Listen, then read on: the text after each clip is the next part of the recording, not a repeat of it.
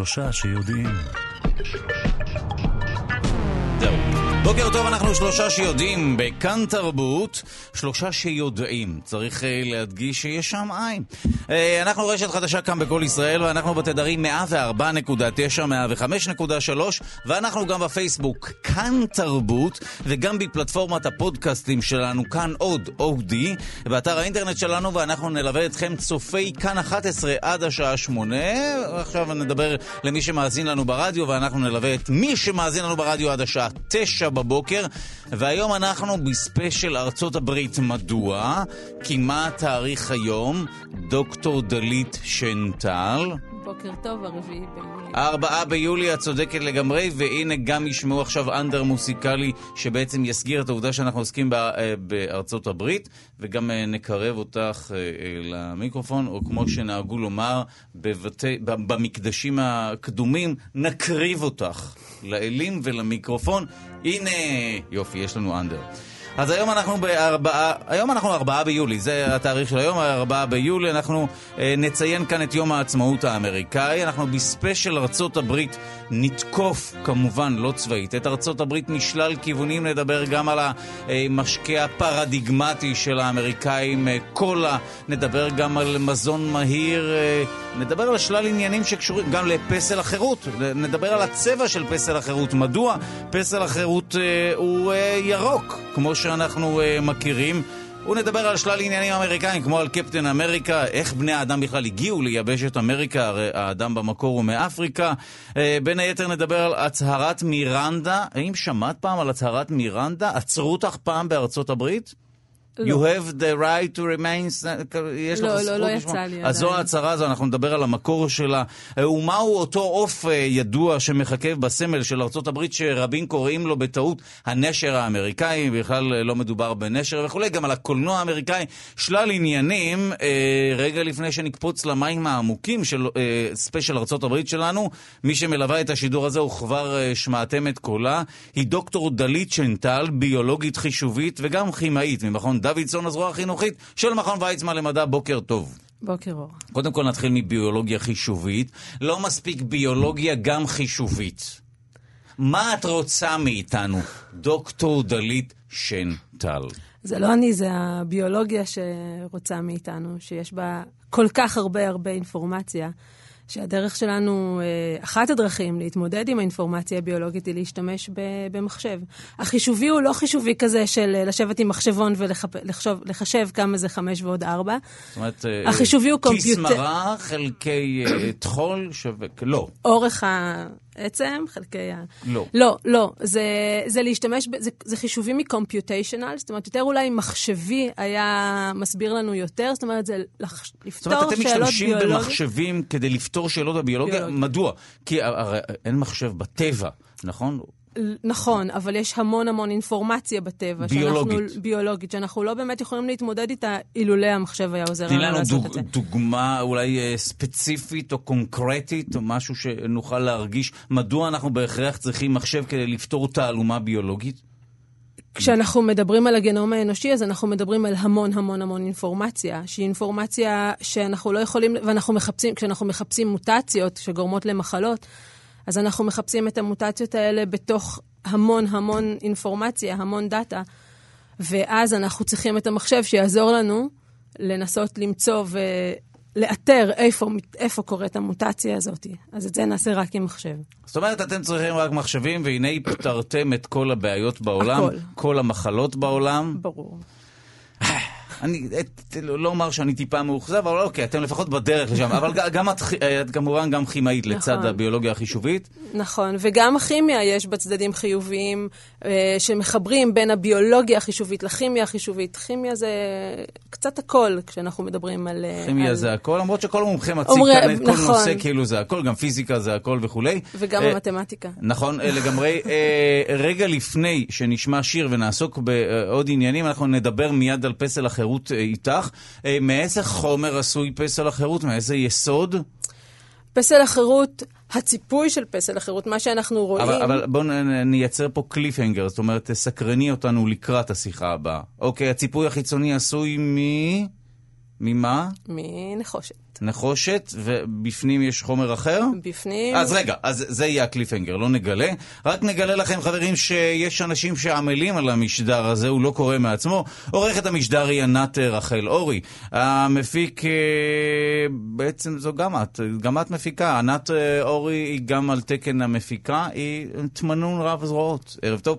אה, הטכנאי שלנו הוא יובל יסוד פלאס. שזה שודרגת, כמו שפת תכנות C++. תודה רבה למאפרת דניאלה בן יאיר, תודה רבה ליגאל שפירא, תודה רבה לאלון מקלר שעומד שם בקונטרול ומשגיח. על מישהו. תמיד אוהב להרגיש שהוא שולט כאן בציבור. ואנחנו היום בספיישל ארה"ב, כי ארבעה ביולי הוא התאריך של היום, יום העצמאות האמריקאי. אנחנו בספיישל ארה"ב, אגב, יום העצמאות האמריקאי, ארבעה ביולי, הוא חג פדרלי כמובן, זאת אומרת בין מדינתי. הוא נחגג ביום שבו 13 המושבות הראשונות אה, הכריזו על ההתנתקות שלהם מבריטניה. זאת אומרת, מדובר ביום ההתנתקות בעצם, אה, הוא יום ההכרזה האמריקאי. יום הכרזת העצמאות אה, של ארה"ב היה ב-1776. את זוכרת את השנה הזו? אני זוכר רק בזכות הסרט בחזרה לעתיד. הם כיוונו שם, הם כילו את הרכב, ולא, לא נסעו לשם. איך האמריקאים מציינים את יום העצמאות שלהם? שימו לב למנהגים המוזרים של העם התמוה הזה, באמצעות זיקוקים. פיקניקים ובשר על האש. איזה אנשים מוזרים. מי היה מאמין שכך חוגגים יום עצמאות? כן, אצלנו אותו דבר. לא, מה פתאום. לא. אוקיי, אה, האמת שיש להם עוד כל מיני דברים, כמו למשל אה, משחקי כדור בסיס ועוד כמה דברים שפחות מקובלים אה, כאן בישראל, אבל זה הרעיון הכללי. אגב, אה, בואו נשלים רק את העניין ההיסטורי. הכרזת העצמאות של הברית אה, היא בעצם סוג של מסמך שהקונגרס הקונטיננטלי, שזה בעצם אומר הפרלמנט הראשון שהיה בארצות הברית, הפרלמנט של 13 המושבות הראשונות, כך קראו לו, הקונגרס הקונטיננטלי. אה, זה היה, זה היה הפרלמנט המוקדם, הוא אימץ ב-4 ביולי 1776 בפילדלפיה את uh, ההצהרה הזו, או את המסמך הזה, 13 המושבות האמריקניות uh, שהיו בזמנו בסוג של מלחמה עם בריטניה, התנתקו מבריטניה והפכו להיות uh, מדינה עצמאית, או מדינות עצמאיות ליתר דיוק. וזוהי ההכרזה שהיא בעצם ההתנתקות, אה, ועד כאן אה, היסטוריה. אז רגע לפני שנדבר על ההיסטוריה של ארה"ב, אנחנו בכל זאת נמצאים כאן עם דוקטור דלית אה, שנטל, שהיא ביולוגית חישובית וכימאית. בואי נדבר לרגע על פסל החירות, אחד הסמלים הבולטים של ארה"ב. פסל עצום שנמצא באי החירות. ביקרת בפסל החירות? לא. צפיתי בו. ביוטיוב. מה... לא, לא. יש שם את הבטרי פארק, עד כמה שאני זוכרת, אה, בקצה לא, שם של לא מנהטן. נכון, כי צריך אה, לעבור אה, מים, נהר, כן, כדי כן. להגיע אליו. האמת שגם אני לא... כי מדובר תמיד... וזה היה לפני כל כך הרבה שנים שמגדלי התאומים עוד... עמדו שם על תילם זאת אומרת, העדפת את מגדלי התאומים, אבל עכשיו, כשאין את האטרקציה הזו, הפסל החירות הפך להיות האטרקציה המרכזית. לא. בואי נדבר רגע על הצד הכימי של פסל החירות, שהוא, כמו שאמרנו, אחד הסמלים אה, של ארצות הברית. ממה הוא עשוי? מדוע הוא ירוק? אה, מדובר בפסל של אישה, אה, משום מה ירקרקה. יר... היא לא הייתה תמיד ירקרקה. זאת אומרת, היא הגיעה לארצות הברית אה, אדמדמה ובוהקת. אני משער שמצרפת, אבל מצרפת. פחות התחום שלך, אבל כן, מצרפת. היא הגיעה, כן. בח... היא הגיעה בחלקים, בחתיכות קטנות, והורכבה שם. בארצות הברית. והייתה אה, אדמדמה? והייתה אדמדמה כי, כי היא עשויה מנחושת. אז איך הנחושת... זאת אומרת, אם לדייק, יש שם... מעטפת של נחושת שהיא מאוד מאוד דקה. כן. אה, והשלד שלה... זאת אומרת, עקצו את האמריקאים. זה שוב משהו שהוא מצופה רק. מצופה, גולדפילד. אה, והשלד שלה... הוא שלד ברזל. את השלד הזה, מי, ש... מי שתכנן זה אותו אייפל, אייפל ההוא ההוא המהנדס מה... מה... מהמגדל. לאור, לאור ההצלחה. לאור ההצלחה המסחררת. אוקיי. Okay. Uh, הנחושת הזו, בתהליך שלקח משהו כמו 30 שנה, הפכה מנחושת אדומה ובוהקת כמו, כמו נחושת, הפכה לירוקה. למה? מדובר בתהליך של התחמצנות? מדובר בדיוק, בדיוק בתהליך של התחמצנות. רגע, זאת אומרת שכשנחושת מחלידה היא הופכת לירוקה? כן, רק אך... בניגוד לחלודה, שזו התחמוצת של הברזל, שהיא... אוקיי, אז רגע, זו נקודה כימית מעניינת עבור הצופים שלנו. אה, כשברזל מחליד, הכוונה היא פשוט ל... להתחמצנות, לתוספת של O או של חמצן, נכון? נכון, זו חלודה נכון. בעצם. אז כשברזל מחליד או מתרכב, כמו שנהוג לומר עם חמצן, הוא הופך באמת אדמדם. מתכת היא, אה, סליחה... ל... הברזל חלודה, הופך חל... לחלוד, נכון. החלוד, החלודה היא אדמדמה. אני מעט חלוד, כי אנחנו לא התעוררנו בעצם. בדיוק. אוקיי, וכשנחושת מחלידה בעצם, או מת, מתרכבת עם חמצן, נכון, מתחמצנת, בואי נדייק. מתחמצנת, אז היא הופכת ל... לירקרקה. אז הנה, אה, כשברזל מתחמצן, בסוגריים, מדובר בחלודה, אז הוא הופך לאדום. כשנחושת מתחמצנת, לא מחלידה, אלא מתחמצנת, כנראה שזה שם שהוא ספציפי שיתוך, ל... שיתוך, זאת המילה... איך, איך זה נראה? שיתוך. שיתוך. אז כשנחושת הופכת, אה, אה, או עוברת תהליך של שיתוך, או פשוט מתחמצנת, היא הופכת לירוקה. אוקיי. ואפשר לנקות את אה, פסל החירות? האם אפשר להחזיר אותו לצבעי האדום? אפשר, ש... אפשר להשתמש בתערובת של, של חומצה ומלח, וככה לעבור ולהעמיס את התחמוצת הזאת. חומץ רגיל שאפשר לרכוש בחנות ומלח? כן, ככה מנקים כלי, כלי נחושת בבית, שככה הפכו קצת לירקרקים ואיבדו את הברק המתכתי שלהם. אז הנה אנחנו מייעצים לאמריקאים, אם אתם רוצים להחזיר עטרה ליושנה, פשוט נקו את פסל החירות באמצעות אה, סמרטוט טבול ב... חומץ ומלח. ומלח. כן. והפסל אבל, אבל לא כל כך כדאי, כי בניגוד לחלודה, שהיא פריחה ומתפוררת, ואנחנו דווקא מנסים להגן על, אה, נכון. על אה, מבנים מברזל, אה, מפני החלודה, אז דווקא הנחושת, כשהיא מתחמצנת, המעטפת הזאת היא, היא קשיחה. והיא מגנה על, המת... על הנחושת מפני ההמשך של ההתחמצנות. זאת אומרת, בניגוד לחלודה שמפוררת את בדיוק. הברזל עצמו. כי התחמוצת אומרת... של הברזל היא, היא חומר רך, והתחמוצת של הנחושת היא חומר... אוקיי, אז הנה הכימיה בעצם, על פי הכימיה לא צריך לנקות במרכאות את פסל החירות, כי ההתחמצנות של הנחושת בעצם יוצרת שכבת הגנה על הפסל. והיא גם uh, די uh, יפה. זאת אומרת, פתאום עברת לתחום האסתטיקה, בדיוק. פתאום קיבלנו פה ביקורת, כמה דרקונים תתני לה. אוקיי, אז uh, תודה רבה על השיחה הזו. פסל החירות שלנו מסתבר שעשוי מנחושת. כשנחושת מתרכבת עם חמצן היא הופכת לירוקה, אבל לא נורא, כי לא מדובר בסוג של uh, מה שקורה לברזל. Uh, כשמדובר בהחלדה, כפי שהרגע למדנו, מדובר בשכבה שעשויה לפגוע בברזל עצמו, אבל לנחושת לא. כן, נוצרת איזה מין שכבת הגנה טבעית. נכון. כיף. אוקיי, הנה למדנו גם משהו כימי וגם משהו על אה, ארה"ב. אנחנו עוברים כרגע למעט היסטוריה. האם את מכירה את קולומבוס? שמעתי עליו, שמ... ההוא שהפליג לו ו... הפליג לו. בעיקר הפליג לו. אז אנחנו בספיישל אה, יום העצמאות האמריקאי, 4 ביולי, אה, וזה הזמן לדבר על מי שנחשב, למי שנחשב, מי שגילה את יבשת אמריקה קולומבוס, אבל זו בדיוק השאלה שבה נעסוק. האם קולומבוס גילה את אמריקה או שלא ממש? יש לי תחושה שלא ממש, ובכל זאת אנחנו רוצים לשמוע אה, את דבריו של היסטוריון הבית שלנו, עודד פוירשטיין. בוקר טוב. בוקר אור, מה שלומך? אנחנו, אה, קודם כל, תודה רבה על ההתעניינות. אני נמצא כאן עם דוקטור אה, דלית שנטל, שתיתן לנו את הזווית הכימית לכל הסיפורים הללו, אבל בוא ספר לנו מעט על קולומבוס. מי היה אותו טיפוס? קודם כל הוא היה בכלל, לא, לא קראו לו קולומבוס, נגיד את זה ככה, הוא היה בכלל איטלקי, כריסטופורו קולומבו. אה, קראו לו קולומבו? משהו כזה, כן. הוא, קולומבוס היה קטע כזה של אנשים ככה בעת החדשה המוקדמת ברנסאנס, לתת לשמות שלהם שמות קצת יותר אה, טוויסט יווני רומי כזה, לשים אוס בסוף, כן? כדי להישמע יותר אה, מתוחכמים. אז הנה אבל, כבר יש אה, לנו אה, כותרת לקולומבוס, קראו קולומבו. כן. אה, והוא היה נווט שניגש לו למלכי ספרד והציע להם למצוא להם נתיב למזרח באמצעות הפלגה מסביב לעולם, הסיפור שפחות או יותר כולם מכירים. זאת אומרת, זה היה המקצוע שלו? זאת אומרת, בזה הוא בחר? אה, תראה, הנווטים האלה לא היו אנשים שניווטו בשביל הכיף, רבים מהם היו סוחרים, כן? הבן אדם היה סוחר, איש עסקים, והעסקים התנהלו בסופו של דבר בים. אז זהו, ולמה הוא עשה את זה? מדוע הוא עשה את זה?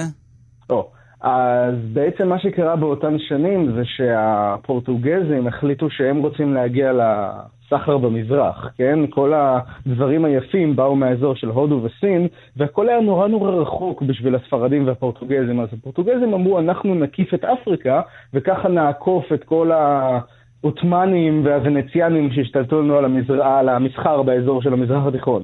ואז אה, כריסטופר קולומבוס אמר, אה, אני אלך ואני אעשה אותו דבר, אבל לא באמצעות הקפה של אפריקה, אלא בעצם אם אני אפליג מזרחה, מערבה, אני אגיע מזרחה. מעניין. כן? והוא הלך והוא הציע את זה גם לפורטוגזים אגב, והם אמרו לו, א', אנחנו לא צריכים כי אנחנו כבר מקיפים את אפריקה, וב', העולם הרבה יותר גדול משאתה חושב, וזה אולי בעצם ה... אה, הסיבה שלא רצו להעסיק אותו בהתחלה, והסיבה שבסוף הוא הלך למלכי ספרד וביקש מהם מימון. בגלל שהוא טעה בחישובים שלו, ואם אמריקה לא הייתה קיימת, אה, קולומבוס היה פשוט טובע בלב ים. אה, כן, הוא לא ידע שהיא תהיה שם. אז רגע, אז לאן הוא באמת הגיע אותו קולומבו שבעצם התחזה לקולומבוס? אז הנחיתה הראשונה שלו, מה שנחשב כביכול גילוי אמריקה, הייתה בעצם האי ספניולה. היום זה האי שנחלק בין הרפובליקה הדומיניקנית והאיטי. והוא ביקר בעצם באיים הקריביים, הוא גם נחת, אם אני זוכר נכון, בצפון החוף הדרום-אמריקאי, הוא אף לא הגיע לאזור שהוא ארצות הברית של היום. אז רגע, הוא לא הגיע לשם? לצפון אמריקה, שהיום אנחנו מכירים כארצות הברית? לא, הוא מעולם לא נחת שם. לא. לא. אז אה, לאן הוא הגיע פיזית? פיזית יותר לאזור של האיים הקריביים. Mm. הנחיתה הראשונה שלו הייתה בקריביים, ברפוב... באזור של הרפובליקה הדומיניקנית. מעניין, אה, ומה קרה mm-hmm. שם? הגיע, ו... אוקיי, הוא הגיע, והוא פחות או יותר אמר, אה, נחתתי, וכמו שהסיפור אומר, באמת הוא כנראה האמין שזה, ה... שזה המזרח. והוא הקים שם איזה חיל מוצב, ולקח לו כמה, כמה אנשים, אה, חטף אותם לעבדות, והחזיר אותם חזרה אה, איתו לספרד. ואז על הדרך אה. הוא גם מצא בפורטוגל, והוא חיבר יומן שבו הוא כתב את כל מה שהוא ראה. זאת אומרת, כן. הוא, הוא חשב שמדובר במקום אחר לגמרי, ובכל מקרה הוא על הדרך ככה לקח כמה אנשים והפך אותם לעבדים. כן, המחשבה הייתה שצריך להראות את מה שהוא מצא, צריך לספק הוכחות, ו... אם אפשר גם להראות אה, שיש שם אנשים שאפשר להשתמש בהם לצרכים שחשוב לזכור, הצרכים האלה מההתחלה היו בשביל לעשות כסף, כן? להגיע למזרח כדי להקים שם מושבות, כדי להקים שם אה, איזושהי תחנת מסחר, כן? ואם אפשר לקחת אנשים ולהראות, זה הולך להיות כוח העבודה הזול שלנו, אז, אה, אז מה רע בעצם? אוקיי, אז, לא? אז מי, מי באמת נחשב אה, דה פקטו למי שגילה את uh, יבשת אמריקה? אפשר עדיין או. לש... בבקשה. או, בוא אני אשאל אותך ככה, האם אפשר לגלות אנשים? האם אפשר לגלות טריטוריה שיש בה אנשים? כן, אם אני בא אליך הביתה ודופק לך על הדלת, האם אני גיליתי את הבית שלך? שאלה מצוינת, כי אולי מבחינתך גילית, אבל באמת אי אפשר אה, להכליל ולומר שאתה זה שגילית את הבית שלי. יפה, אתה אומר שזו חוצפה לומר שמישהו גילה מקום אחר שכבר אה, היו שם אנשים והייתה שם תרבות. כן, האינדיאנים לא ידעו שהם אינדיאנים עד שבא קולומבוס ואמר להם שהם אינדיאנים, כן? הם בכלל קראו לעצמם בשמות אחרים, אה, טיינו, whatever. אה, היום מקובל לדבר על זה יותר במובן של המפגש האמריקאי או המפגש הקולומבוסיאני, איך שלא תרצה לקרוא לזה, זה יותר במובן של אינטראקציה אה, בין, בין שני אנשים, שאולי אפשר לקרוא לה כיבוש, אולי אפשר לקרוא לה אה, מסחר, אבל גילוי, מי שגילו את אמריקה היו הילידים שהגיעו לשם אי שם אלפי שנים לפני כן, כן? שו, אנחנו עושים פה צדק היסטורי, וגם באמת אה, יש פה, יש משהו בהבחנה הזו שכשאנחנו מגיעים למקום אחר, זה שהאדם שרואה את עצמו כ... לא יודע מה, האדם המרכזי או האדם הלבן וכולי, זה לא אומר שהוא גילה את היבשת הזו, כי הייתה שם תרבות והיו שם בני אדם. כן, מה שחשוב בקולומבוס מבחינה היסטורית, הוא גם אפילו לא היה האירופאי הראשון, הרי הוויקינגים הסתובבו בצפון אמריקה, היה להם מושבות באזור קנדה. אה, מה שחשוב כביכול תגלית של קולומבוס הייתה שהיא בעצם פתחה את אמריקה והפכה אותה לחלק מהעולם, מה שנקרא העולם האטלנטי. בעקבות, בעקבות ההגעה שלו לאמריקה התחילה להתבצע קולוניזציה של אמריקה, התחיל להתבצע סחר, ספינות, אנשים, ואז בעצם האוקיינוס האטלנטי, שהיום אנחנו מכירים אפשר להגיד מרכז העולם, כי כל הזמן יש ספינות ששטות ומטוסים שעפים ממזרח למערב ולהפך, הוא פתח אותו בעצם, הוא הפך אותו לנתיב מסחר מאירופה לאמריקה לאפריקה, ובעצם יצר את מה שהיום אפשר לכנות העולם האטלנטי. Mm, אוקיי, אז, כן? אז, אז שייכו לו את גילוי אמריקה באופן מעט מוגזם ומעט יומרני. אפשר להגיד רטרואקטיבי, כן? כן, זה בכלל כן. נכון. אוקיי, זאת אומרת, אה, אה, אז הנה למדנו כמה דברים. קולומבוס אה, הוא לא ממש קולומבוס, אלא הוא קולומבו, והוא לא ממש גילה. הוא, אוקיי, הסיפור הרבה יותר מורכב מזה, למרות שכן אפשר לומר שלמשל, הנה הערת חברנו כאן יובל יסוד, שאמר שהישראלים למשל כן גילו כמה איים ביוון כמקום שאפשר ליהנות שם, אז כן אפשר לייחס לנו גילויים שונים זה, כן, זה המוח היהודי ו... והפטנטים שלו. ואנטליה, איפה בדרך כלל אתה מבלה? בכל מיני מקומות כאלה, בכל שנה זה אי אחר וכולי.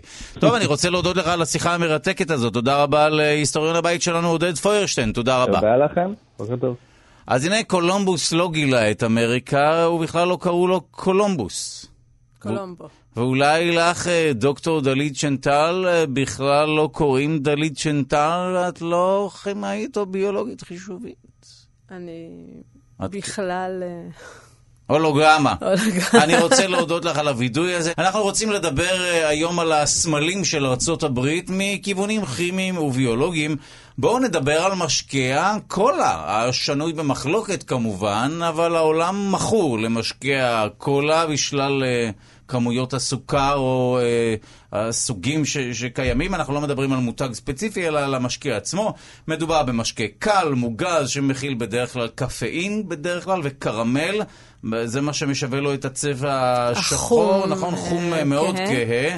כן. נכון, אה, יש שם שלל עניינים, תערובות של וניל, קינמון, פירות הדר, היו שמועות שיש שם גם כוסברה, כל מיני mm-hmm. אה, דברים אה, מוזרים. המשקה עצמו, הקולה עצמו, קרוי על שם אגוזי הקולה, אבל אנחנו באמת רוצים אה, לצלול פנימה לתוך המשקה עצמו ולבדוק עם הכימאית שנמצאת כאן, אה, דוקטור, אה, אה, דוקטור אה, דלית שנטל, מה יש באמת במשקה הקולה מבחינה כימית? אז קודם כל, יש שם את כל המרכיבים הסודיים האלה ששמורים להם, שהמתכון שלהם שמור אי שם באיזה כספת. ש, שזה גם מיתוס, כי היום, ב, היום אנחנו חיים ב... בתקופה שבה אפשר לנתח כל משקה, כל מוצר, אפשר לדעת מה יש שם בדיוק. זה קצת מיתוס שנועד לנפח את המשקה הזה, אבל בסדר גמור. אבל מה את מכירה ככימאית? אבל יש שם בעיקר המון המון סוכר, ואם תשאל תלמידי כימיה אה, בכיתה י"ב, אז הם יגידו לך שיש שם גם המון חומצה, כי הם הרבה פעמים עושים איזה מין ניסוי כזה בכיתה, שהם אה, בודקים כמה חומצה יש שם. אז יש שם חומצה גופרתית. חומצה אה, גופרתית? אה, כן? או חומצה... חומצה, חומצה. בואי בוא נסגור בוא, על חומצה. נסגור. רגע, את, את מדברת על אה, איזשהו חומר זרחתית, שהוא... זרחתית, סליחה. זר, זרחתית, אוקיי. כן. אוקיי, אז חומצה זרחתית. וסוכר. והמון סוכר, המון, כן. החומצה הזרחתית, מה, מה מאפיין אותה? החומצה זה משהו שיש ב, בהמון דברים שאנחנו אוכלים. זאת אומרת, זה לא בהכרח משהו רע. חומץ, לא, לא, בכלל לא רע. חומץ, הקטשופ, יש בו המון חומץ. סודה באופן כללי, זה, זה חומצה פחמתית עם מים. אה, וזה בסדר לנו לגמרי לשתות אה, דברים שהם חומצים. גם יין הוא חומצי. הכל היא חומצית קצת יותר, זאת אומרת, היא טיפה ש... יותר חמוצה. נשמע שאם נדבר לרגע על סקלת ה-PH האהובה על המאזינים שלנו, או הערך ההגבה, שמתחיל מ-1 עד 14, נכון? 1 זה החומצי ביותר, ו-14 זה הבסיס, 7 זה בערך מאוזן. כן. אז אנחנו בעיקר צורכים אה, מאכלים או משקאות שהם חומציים, זה נכון? כן, כן. מעניין. כן. את אומרת שאחד מהדברים, אולי אני אומר את זה ואנסה לקבל ממך אישור, אחד הדברים במרכאות ממכרים, בהנחה שמדובר במשקה ממכר, אני לא לוקח אחריות על זה, אבל השילוב הזה בין סוכר, משהו מתוק מאוד, למשהו חומצי מאוד, למשהו... יש... ויש שם כמובן גם את חברנו הטוב הקפאין. קפאין שהוא זה שמעורר אותנו, כן. מעיר אותנו. אוקיי, אז uh, הנה הבנו שגם הקולה וגם הקטשופ, שאמרת באגב, שני דברים שהם מאוד אמריקאים, נכון. הם בעצם שילוב בין חומצה, לא ניקח אחריות על סוג החומצה, נכון. אבל שילוב בין חומצה לבין סוכר, וזה אחד הדברים המקרים. אם זה בריא או לא, זה כבר, זו כבר שאלה לביולוגים לא חישוביים. אלא ביולוגים... כן, כאלה שמבינים במה קורה בקיבה, אבל באופן כללי הקיבה שלנו היא מאוד חומצית, ככה ולכן... שזה די בסדר לנו לשתות אה, זה כן בסדר, ה... אבל בכל זאת בואי נמליץ על מים. סתם, על... אני אומר, אל תקחי אחריות על שתיית קולה. כ... ילדים מאזינים לנו, עדיף להתמקד במים. טוב, אנחנו נמשיך לדבר גם בשעה הבאה על uh, קולה, ואנחנו עוברים עכשיו לעוד משהו אמריקאי, אזהרת מירנדה. אותו מונולוג ששוטרים אמריקאים חייבים לבצע בכל פעם שהם עוצרים uh, חשוד. You have the right to remain silent, יש לך זכות לשמור על uh, השתיקה, כל דבר שתאמר עלול ויכול לשמש נגדך וכולי. מדוע קוראים לאזהרה הזו אזהרה או הצהרת מירנדה? אנחנו רוצים לשמוע מפי ערן מנהר, מגיש הפודקאסט מנהר הזמן כאן בכאן תרבות. בוקר טוב. בוקר מעולה, מה נשמע? בסדר גמור, אז מהי אותה הצהרת מירנדה? איך הכל התחיל? אני מבין שאגב, בישראל, גם כמשפטן, אין הצהרה דומה. זאת אומרת, אין, אני לא מכיר מונולוג דומה כאן בישראל. הסיפור, כי הסיפור פשוט הגיע מתוך איזושהי מציאות ומקרה שקרה, זה הכל. אז בבקשה, בוא נשמע על זה. הוא לא קרה בישראל. אז אנחנו מדברים על שנות ה-60, זה התחיל בשנות ה-60, זה נשמע כאילו זה היה שם, היה שם מאז ומעולם, אבל ממש לא, אנחנו מדברים רק על ה-63. בעקבות מקרה שקרה, בחור בשם ארנסטו מירנדה, מפתיע, הוא נולד בשנות ה-40, תחילת שנות ה-40, והוא היה מגיל שמונה בערך עבריין. פשוט איש שהסתובב, התחיל כילד, אבל איש שהסתובב באמת בעולם הפלילי, זה התחיל מתיק פלילי על שוד בגיל שמונה, ואחר כך עוד שוד. בגיל שמונה תיק פלילי על שוד, איזה הספק. הספק, כן, הוא התחיל מוקדם, הוא אמר, אם כבר אז. הוא נשלח למוסד שיקומי, ולא הרבה, הוא סיים להיות במוסד השיקומי, והוא הורשע עוד, עוד פעם בניסיון אונס ותקיפה, אז החזירו אותו למוסד. בחור חביב, הוא עוד לא בן 17, כן? עד גיל 17 הספיק פלילי מרשים במרכאות כמובן, אנחנו מדברים פה על נושאים חמורים מאוד, כמו ניסיון לאונס ומעשי שוד וכולי. בואו נאמר את האמת, מדובר על דבר, אולי כי הוא אמריקאי וזה קרה במקום רחוק ולפני, מתי זה קרה? באיזו שנה? אנחנו מדברים על שנות ה-40-50. טוב, אבל עדיין כמובן שמדובר במעשים חמורים. אז זהו, אז המעשים החמורים האלה רק הלכו ונהיו יותר ויותר חמורים, כי בגיל 17 הוא כבר ישב בכלא שנתיים. ואז הוא כבר החליט שהוא uh, עובר מאריזונה ללוס אנג'לס, ושם הוא uh, משתנה לחלוטין והופך את אורו, אז הוא נעצר בגלל שוד מזוין ותקיפה, uh, ותקיפה מינית, אני יודע, מצית, הוא היה מצית לנשים. זהו, שהוא היה מציצן.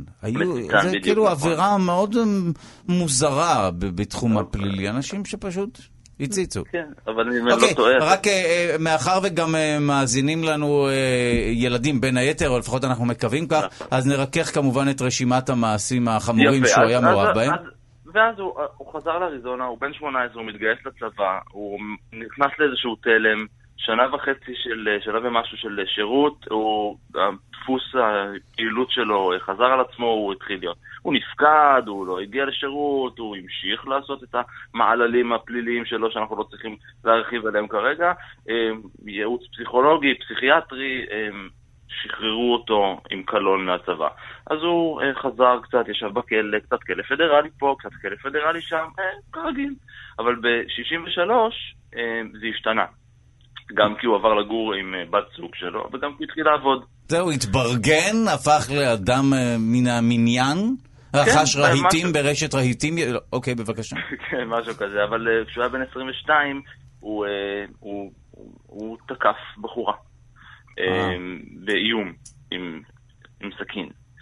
הוא לא, הוא לא... תגיד לי, הפסיכי הזה, בואו בוא כן, נחתור בסופו של דבר.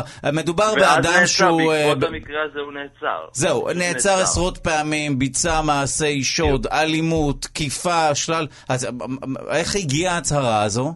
יפה, אז אחרי, בעקבות אותו מקרה עם אותה בחורה, הם עצרו אותו, היא זיהתה אותו במסדר זיהוי, ולקחו אותו לחדר חקירות.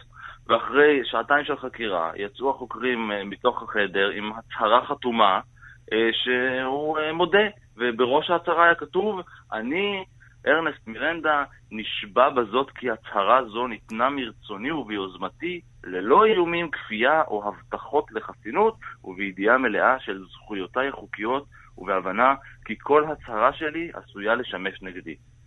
אוקיי. לכאורה, תקין. אחד השוטרים אמר שההצהרה הזאת אה, הוקראה לו לפני שהוא חתם על הנייר, אבל אחרי שהוא הודה על הפשע. בקיצור, האיש האומלל הורשע במעשים שיוחסו לו, בעיקר בזכות ההצהרה שלו, והוא נכנס למשהו כמו 20 ומשהו שנה בכלא. אה, אבל הוא מן הסתם ערער על ההחלטה והוא אמר כי החוקה אה, קובעת שהוא זכאי לייצוג משפטי תוך כדי שהוא עצור, אה, ולא אמרו לו כלום. אז בית משפט העליון השאיר את ההרשעה בגלל שהוא לא ביקש בעצמו עורך דין בזמן החקירה, אבל הוא לא ויתר, זה היה בית משפט העליון באריזונה, הוא לא ויתר, הוא פנה לבית משפט העליון של ארה"ב, ואז בית המשפט העליון קבע, זאת הייתה החלטה ששינתה את הכל, כשהיה ברור מאוד שלמירנדה לא הובהרה הזכות שלו שיש לו להיוועץ עם עורך דין בחקירה, ושאין לו זכות לא להפליל את עצמו, והזכויות האלה לא היו מוגנות באופן יעיל בכל דרך אחרת, ובגלל uh, שלא ניתנו לו אזהרות כאלה, או הצהרות, ההצהרה שהוא חתום עליה, כאילו, היא לא קבילה, ולכן ההרשעה שלו בוטלה. וואו. וזה באמת הייתה, הייתה סערה ציבורית מאוד גדולה, והקונגרס uh, פשוט חוקק חוק שמחייב שוטרים אמ, בקביעה הזאת של הבית משפט. ועל השוטרים כמובן, אמ, לא כמובן, אבל אה, על הדרך התעלמו קצת מהחוק, ואז ככה נולדה הצהרת מירנדה, שכל פעם שהם... שזו ההצהרה שכל שוטר אה, אמריקאי חייב להצהיר, או מין מונולוג כזה שחייבים לומר. סוג של כסת"ח כזה. כן, אה, כסת"ח, או אתה יודע, יש כן אה, דברים מהותיים שם בהצהרה הזו. זה מזכיר כן. לך שכל מה שאתה אומר עשוי לשמש כראיה, יש לך זכות לעורך דין, אפילו עורך דין בחינם מטעם המדינה וכולי. נכון. זאת אומרת, זה יכול להיות כסת"ח, אבל עדיין יש משמעות להצהרה הזו. בוודאי, בוודאי, אבל אני אומר... זאת אומרת, הפרוצדורה היא על שם אה, פושע מאוד מסוכן, שעשה דברים אה, נוראים, אבל אה, נכון. אפשר לומר שתרם את תרומתו לעולם הפלילים האמריקאי וגם לעולם הסדרות בטלוויזיה האמריקאיות.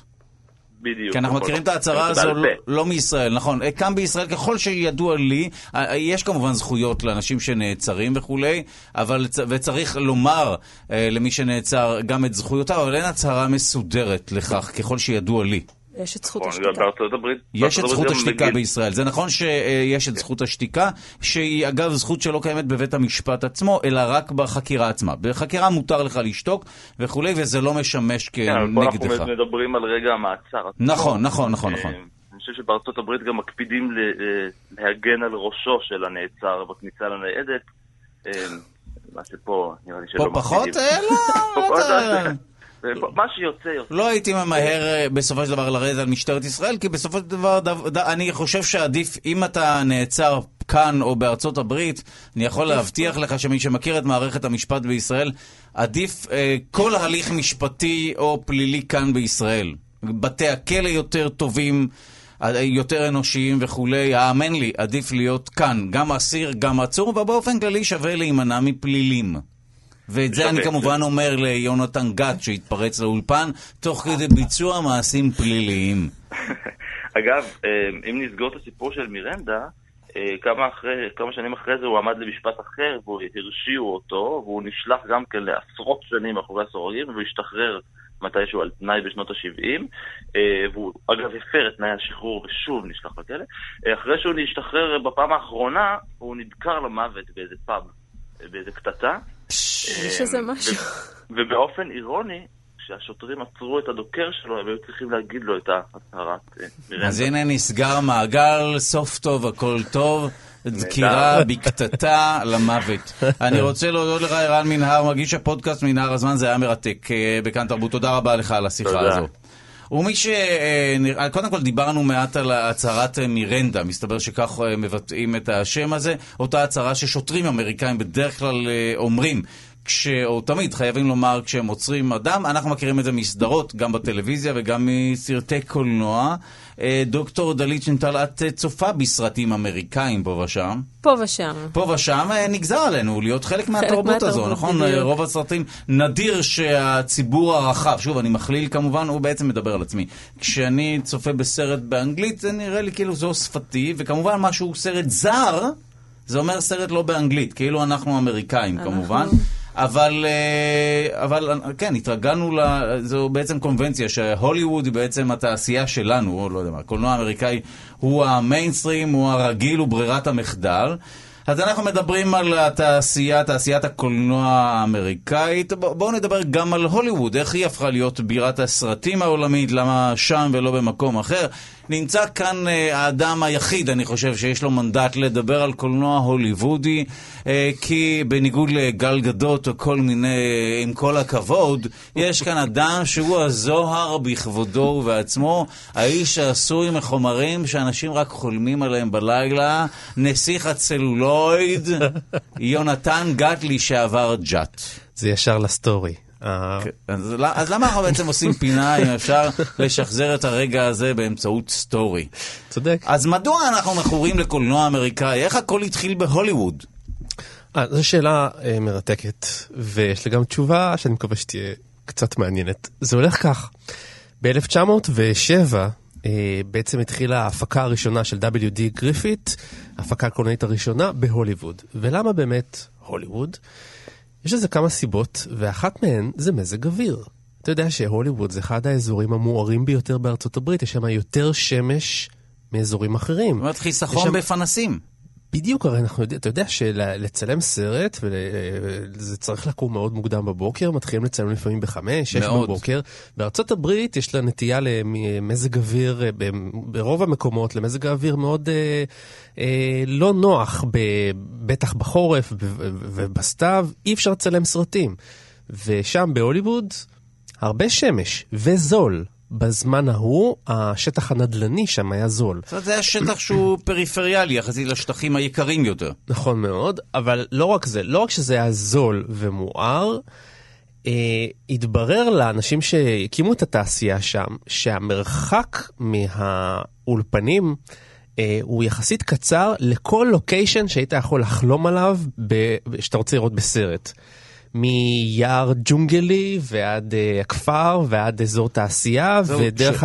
מקומות מושלגים. שזה אנשים פחות יודעים שלפעמים לוקיישן אחר זה אומר פשוט לסובב את המצלמה ואז זה נראה אחרת לגמרי. בדיוק. שדה שיבולים, פתאום בית, פתאום הר וזה באמת נכון. בדיוק. ואגב, מה שמדהים בתעשיית הקולנוע, שהם לא רוצים לצלם באזורים לא נוחים, אז יוצאים uh, כל מיני אזורים שיש שם למשל גשם, uh, נוסעים להוליווד, שם יש שמש, ואז ממטירים גשם ממכונות מלאכותיות ומשקיעים מיליונים בגשם. בדיוק. זה מה שיפה. בדיוק. אז השילוב הזה, זה היה מבחינתם מכרה זהב. וככה עלו לרגל לשם, כי זה היה מקום לחלוטין לא אה, מיושב על ידי אנשי קולנוע. עלו לשם לרגל, והמקום הזה צימח ופיתח שם תעשייה שהיא לא רק קשורה לקולנוע, אלא בכלל כל מה שקשור מסביב, לנגרים ומעצבים וגרפיקאים, כן, והכל, הכל, זה הפך להיות פשוט מדינה, מדינת קולנוע. בתוך הוליווד, וזה כבר יותר מ-100 שנה. ועד אגב, היום זה סמל של תעשיית הקולנוע. לחלוטין. ודאי. עכשיו, מה שמעניין לגבי הוליווד, שזו תעשייה שלחלוטין מאוהבת בעיסוק עצמי. הוליווד אוהבת לעסוק בהוליווד, אפילו אם זה בקטע מאוד ביקורתי. יש הרבה מאוד סרטים, אלפי כמו סרטים. כמו תמיד זה אהבה ש... להתעסק בעצמך וגם לשנוא את עצמך. אנחנו כן, גם... זאת, כל עוד אתה מתעסק בעצמך, לא משנה מה, אתה שונא את עצמך, אתה אוהב את עצמך, העיקר שתדבר על הוליווד. למשל, אה, שדרות סאנסט, Sunset Boulevard של הבמאי הגדול בילי ויילדר, זה סרט שהוא תעודת עניות להוליווד על אה, איך היא זורקת כוכבים, הרי מדובר שם בשחקנית עבר שחושבת שהיא תחזור, אבל בעצם בגלל שהיא כבר מבוגרת, אז הוליווד לא רוצה אותה. סרט שזכה באוסקרים. שמוענקים מעניין, על ידי התעשייה. מעניין האם, אה, השאלה האם הציבור אוהב סרטים שעוסקים בעצמם או בהפקת סרטים, זו תמיד שאלה. מאוד, שיר השיר בגשם, Singing in the Rain, שאחד הסרטים הכי פופולריים בכל הזמנים. גם כן, סרט מאוד מאוד, אה, אפילו... ש... אפ... במה הוא עוסק? אני רק מכיר את השיר בעשי... המפורסם. עוסק בעשיית 아, סרט סרטים? בעידן המדבר. כלומר, 아, הסאונד נכנס וואו. לקולנוע, וזה המיוזיקל, כן? אז... מעולה. אין לנו, לא השגנו את השיר המפורסם, אז בואו שיר לנו אותו. קדימה, יונתן. מיד. קדימה, יונתן רקוד כאן באולפן. נו, נצל את זה שאנחנו מצולמים. יונתן, קדימה. שיר לנו בגשם. זה לא פעם התוכניות שאתה מתערב. כאן יש אתגרים אומנותיים. יונתן רקוד. אוקיי. ואפילו סרטי ביזאר, כמו של בימאים גדולים, כמו דייוויד לינץ', Mulholland Drive, גם הוא עוסק בהוליווד. מה הקטע שלו באמת, שהוא איכשהו עושה דברים תמוהים. כאלה? אה, כי ככה הוא דיוויד לינץ', הוא גאון והוא הוא מחליט לעשות מה שהוא רוצה, ואם אתה מבין אז אתה מבין, ואם לא אז לא. נראה לי שגם הוא בעצמו הודה שהוא לא מבין את רוב הסרטים שלו, אבל בסדר. הוא מפזר רמזים לפעמים. ועד הארטיסט כמובן, שגם כן עוסק בתעשייה. אז זו תעשייה שגם מתרחשת שם וגם עוסקת בעצמה. כל הזמן. מעניין מאוד. ואגב, את- האם תעשיית הטלוויזיה בארצות הברית גם נמצאת שם, מצלמת שם? לא, אני- מכיוון ש... פחות. לא, מכיוון... גם, אבל בכ- בכלל לא רק, היא מפוזרת, מכיוון שאולפני טלוויזיה זה מקומות יחסית קטנים, מצומצמים, והם חייבים את האזור המאוד אורבני הזה, בדרך כלל זה יותר קרוב למנהטן, ניו יורק וכדומה. אה, אבל אה, ב- אז... אל תשכח שהייתה גם את שיטת האולפנים, הוקמו אולפנים שהם ענקיים, זאת אומרת, הוקמו ממש כמו ערי קולנוע. כמו uh, שהיו עושים אה, מערבונים, היו בונים פשוט עיר שלמה בונים- בהוליווד.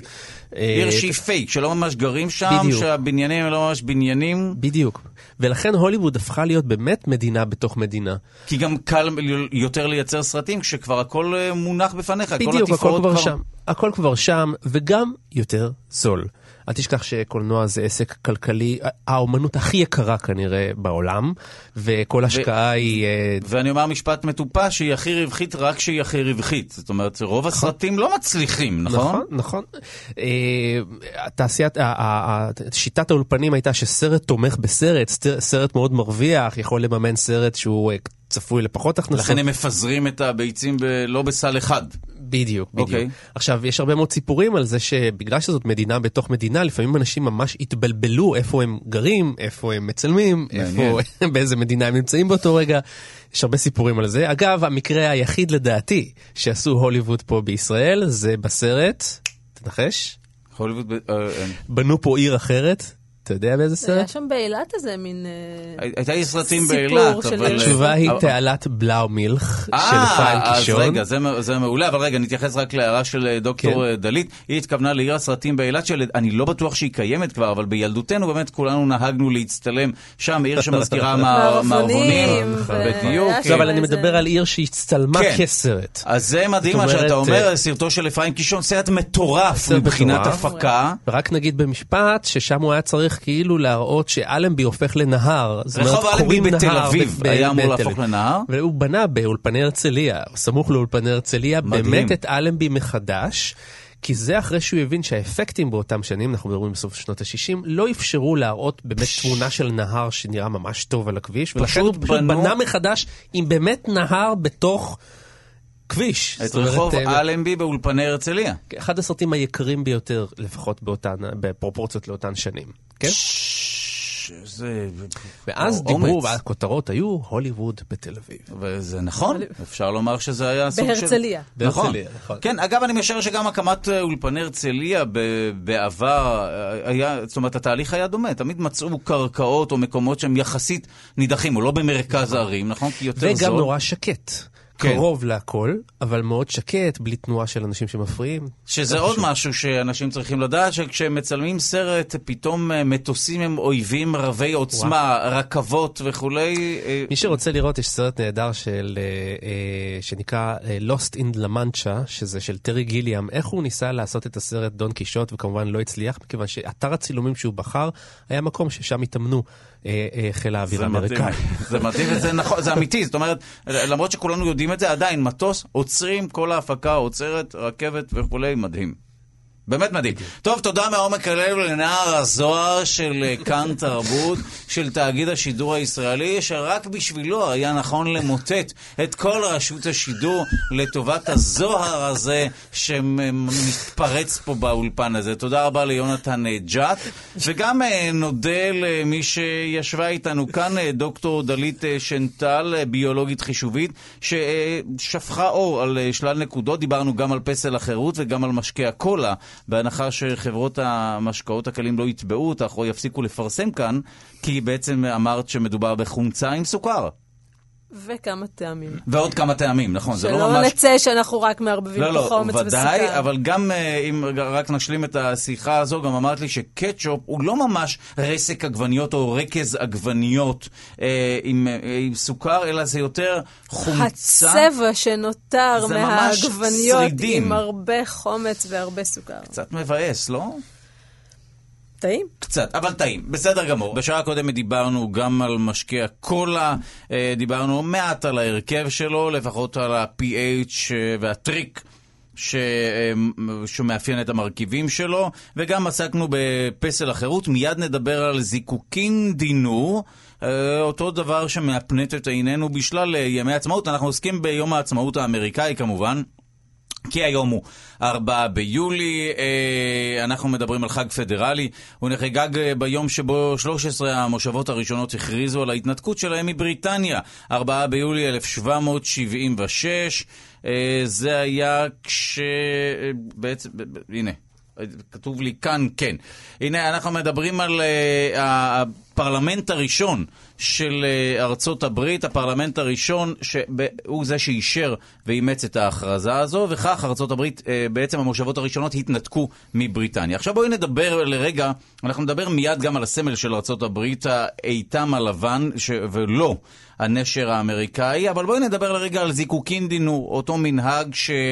אה, נהוג, אה, לא, נהוג להשתמש בו, אה, בדרך כלל זה קורה בימי עצמאות, נכון? לפחות אצלנו? בח- חתונות. אבל זה בזמן האחרון יותר, לא? זה נכון. תמיד אה, מקושר אצלנו לימי עצמאות, וגם האמריקאים משתמשים בזיקוקין דינור.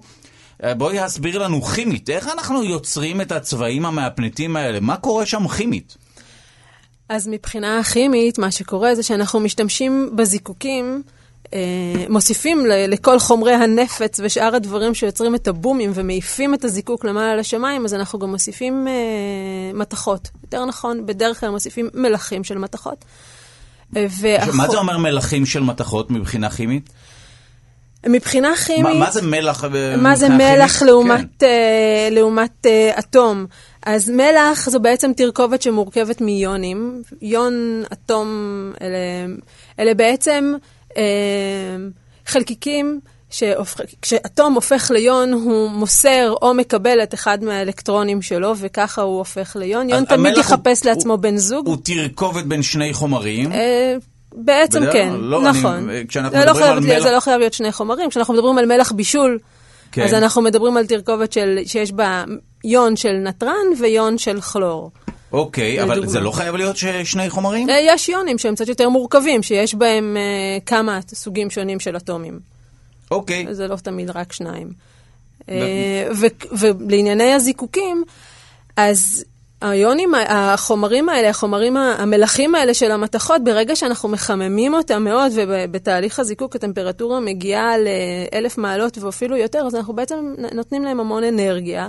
כשאנחנו מעניקים את האנרגיה לחומר, חלק מהאלקטרונים אה, מתערערים להם, עולים לרמה אנרגטית יותר גבוהה, וכשהם אה, יורדים בחזרה, כשהם ככה נרגעים להם, אז הם משחררים את האנרגיה בצורה של אור. וכל חומר כזה משחרר אנרגיה באור אופייני, באורך בתדר- גל אופייני, באורך בדיוק. גל אופייני, והאורך גל האופייני הזה זה צבע שונה. זה יכול להיות אה, ירוק, זה יכול להיות אדום. אז בואו באמת כתום. אה, נאמר שהאור, אה, יש התייחסות אליו כ- כרצף של חלקיקים, אבל גם כגל, נכון? נכון. ולכל גל כזה יש גל תדר, ו... נכון, עכשיו, אה, כל תדר כזה הוא בעצם צבע אחר. השוני בדיוק. בתדירות, ההבדל בתדירות, זה בעצם אומר הבדל בצבע. נכון נכון, מאוד. התדירות הנמוכה ביותר של האור שאנחנו מסוגלים שאנחנו לראות. רואים, האור הוא... האור הכי פחות אנרגטי זה האור האדום. האדום, לא רבים יודעים, אבל האור האדום הוא האור החלש ביותר שאין האדם מסוגלת לראות. כשאנחנו רואים אדום זה אומר שזה צבע הכי חלש, התדירות הכי נמוכה של הגל האלקטרומגנטי. מה האור נכון. החזק ביותר? הסגול.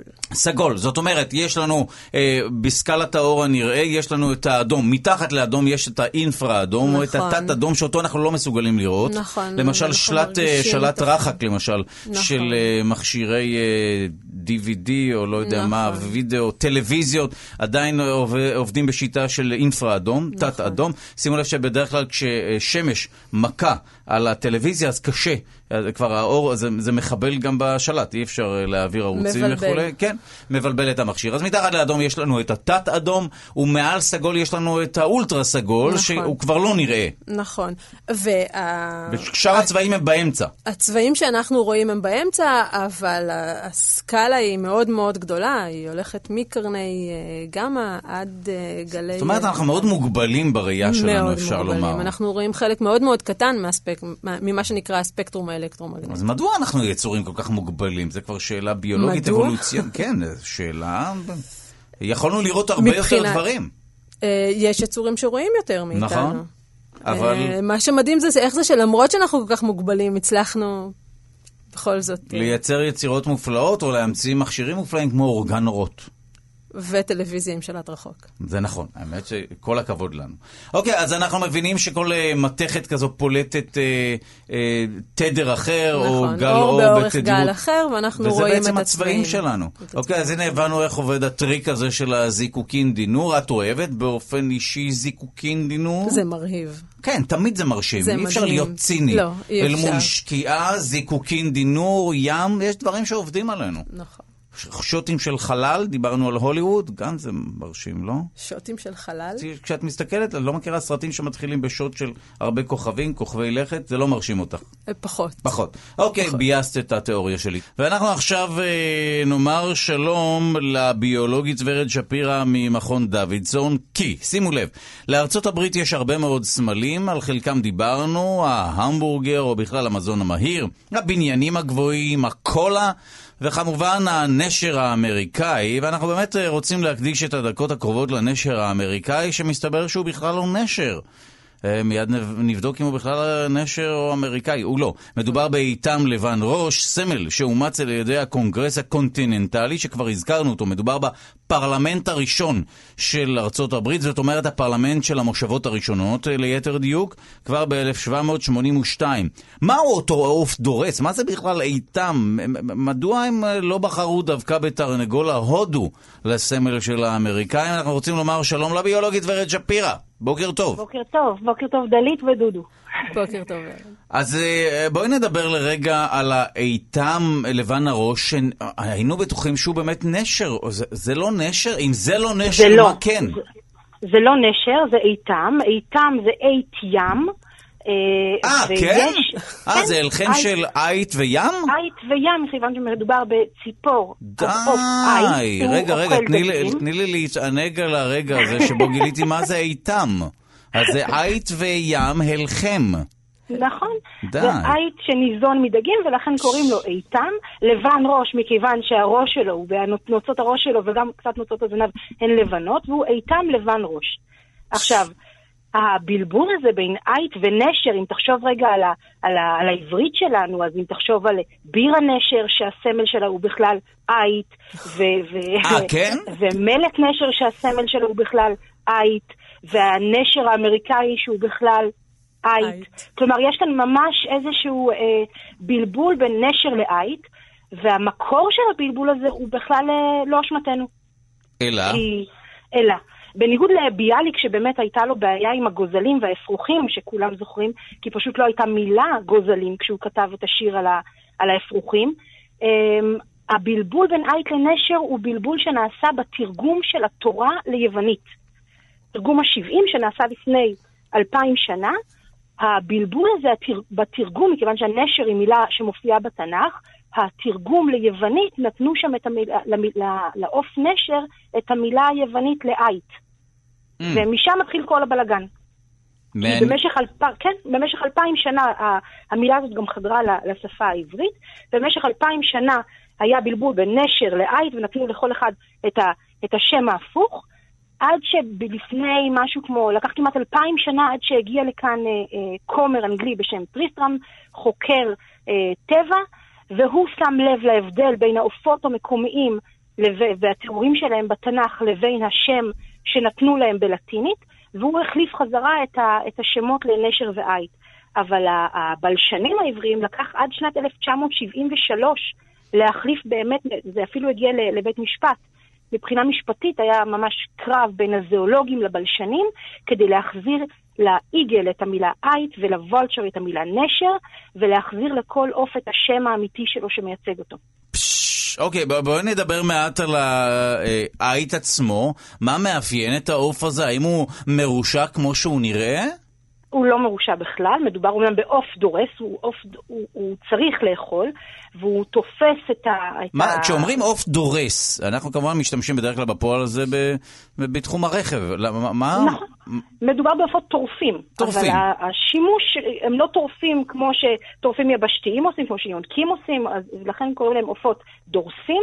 הם משתמשים בתופרים שלהם אה, כדי לתפוס את, ה, את הטרף מלמעלה, הם ממש עטים עליו אה, מגבוה ותופסים אותו.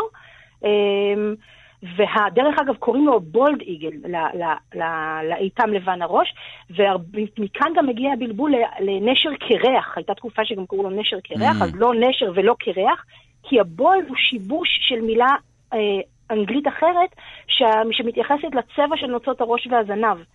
הכוונה לנוצות לבנות בראש ובזנב, ו- ואז אז הוא לא נשר ולא קרח, הוא איתם לבן ראש, הוא אייט דורס שאוכל דגים.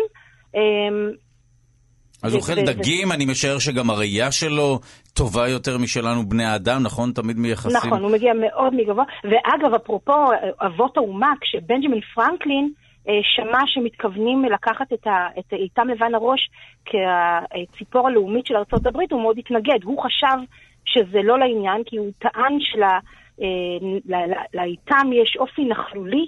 ושהוא פחדן, ושזה לא יאה לאומה רגע, האמריקאית. זהו, ש- הוא... ש- אז אה, בנג'מין פרנקלין באמת אה, ביקר מאוד את האיתם לבן הראש, הוא צודק? נכון. אז זאת אומרת, ההתנהגות שלו היא באמת נכלולית. לדעתי הטיעון המקורי שלו היה שהוא פשוט ממתין, הוא לא טורף ישירות, אלא ממתין שמישהו אחר יטרוף, ואז לת- גוזל, כן, אה, גוזל את לא הטרף. זה לא... אוקיי. זה לא לגמרי מדויק, ובכל זאת מדובר בעוף דורס. יכול להיות שהוא צפה באיזשהן התנהג- התנהגויות שלא מתאימות אה, לדמות האמריקאית שהוא ראה בעיני רוחו. אגב, אגדה מספרת שהוא העדיף באמת את תרנגול ההודו. שזה אה, משהו שיותר בעיניו מזכיר את ההתנהגות האמריקאית. כמה שזה אולי לא מחמיא כל כך. זה כנראה לא נכון, אבל זה נורא משעשע, שהוא טען שהתרנגול ההודו אולי טיפש ועצלן, אבל זה עדיף על פחדן ולא הגון. מעניין אבל זה מאוד. כנראה לא נכון, זה פשוט משעשע. כן, זה קוריוז משעשע. אגב, אה, בנג'מין אה, פרנקלין, אה, למי שלא יודע, הוא לא היה נשיא ארצות הברית, למרות שרבים מייחסים לו נשיאות, הוא לא. הוא היה סופר. לא, הוא היה אחד מאבות האומה, כן, והיה האומה. מדען, אה, אה, ואיש מאוד חשוב בפני עצמו. אוקיי, אז איתם, יש, אגב, איפה הם נמצאים? יש איתם לבן ראש בישראל? אין איתם לבן ראש בישראל, יש איתמים אחרים, אחרים בישראל, אני לא זוכרת בדיוק את, אה, את המינים המסוימים, אבל ניתן למצוא אותם. אה, יש אפילו פרויקטים של אה, השבה לטבע של איתמים, Mm. אה, ואפשר לראות אותם בחולה למשל. די, אוקיי. כן. טוב, האמת שעכשיו כשאני נזכר באיך נשר נראה, הוא באמת, הוא פחות יפה מאיתם. איתם הוא יותר אה, קלאסי, לא? יש לו נוצות על הראש. הנשר, הבעיה העיקרית שלו זה אה, שהוא באמת נכון. אה, קרח. קרח הנשרים אה, הם לא אה, הם כן. אוכלי נבלות.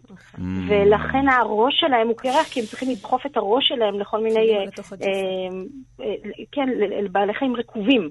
אה, וזה יותר אה, נקי ויותר מותאם, כי- והראש שלהם אה, מחוסר נוצות. עכשיו, גם יש איזושהי דעה שקוראים להם נשרים בגלל שהנוצות שלהם נשרו, זה כנראה מגיע בכלל מביטוי אחר, אבל בכל זאת זה עוזר לזכור נשר, נשרו לו נוצות, זה איזשהו כלל אצבע שעוזר לזכור מי זה מי.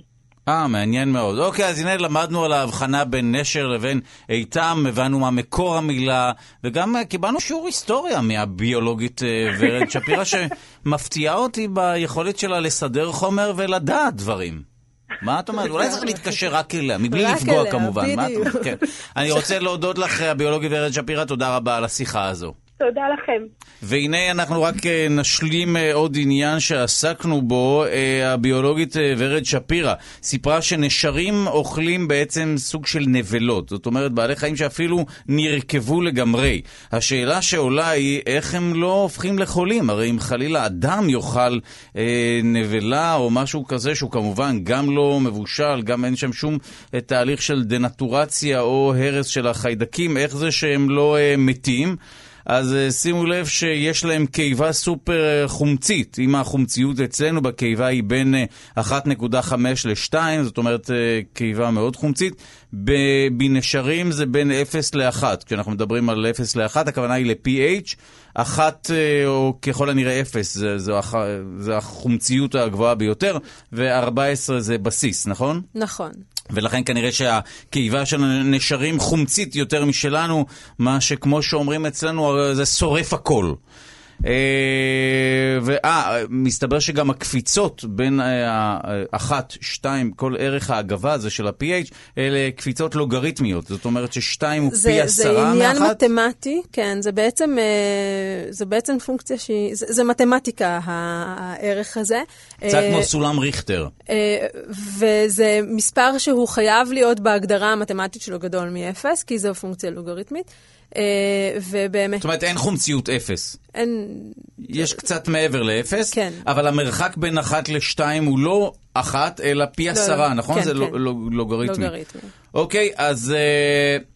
שימו לב, אז זה מה שמוסרת הביולוגית ורד שפירא, אה, הם גם מפרישים על עצמם תוך כדי אכילה, כי גם על השלשת שלהם חומצית וזה מחטא. טוב, יש פה כנראה כמה טריקים בקרב הנשרים. אנחנו מודים אה, לענת רחל אורי שהביאה לכאן את אה, דבריה של הביולוגית ורד שפירא פיזית, ממש את הוואטסאפ, התכתבות פרטית, ומיד גם נקרא עוד התכתבויות פרטיות של ענת בשידור.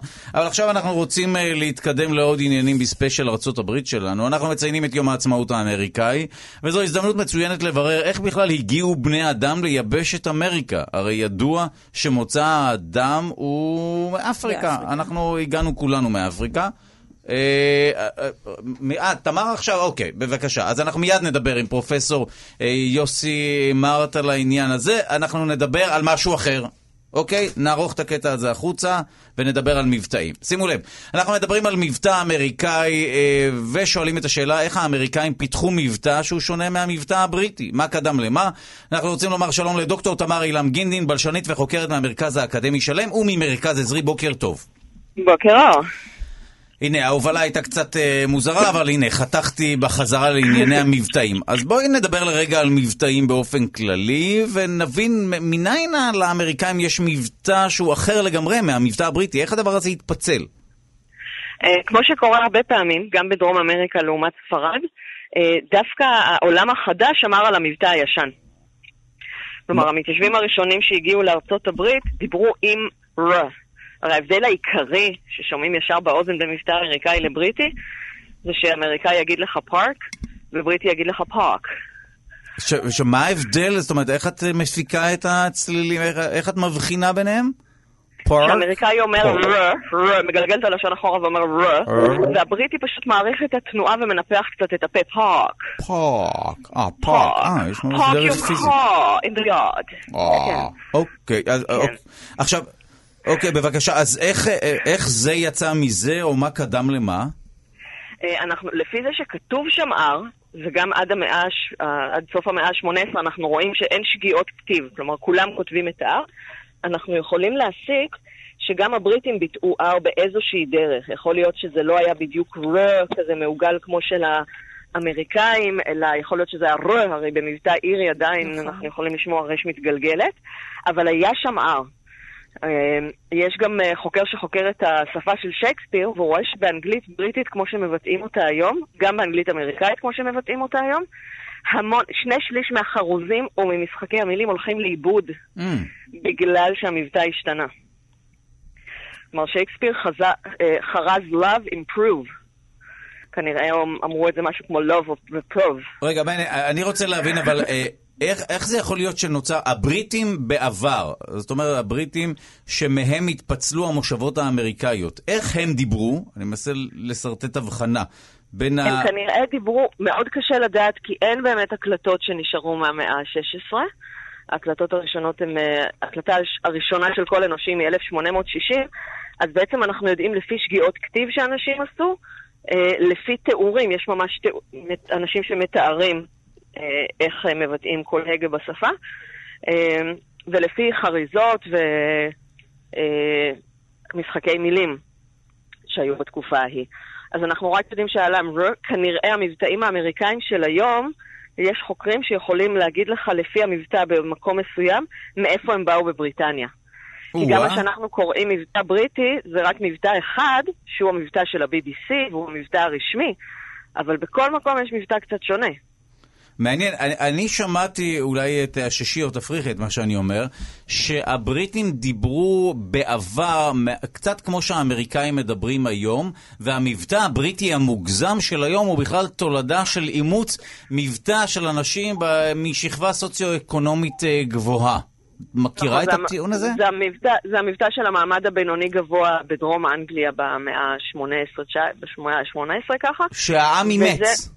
העם אימץ, כי uh, אתה מכיר את גברתי ענווה.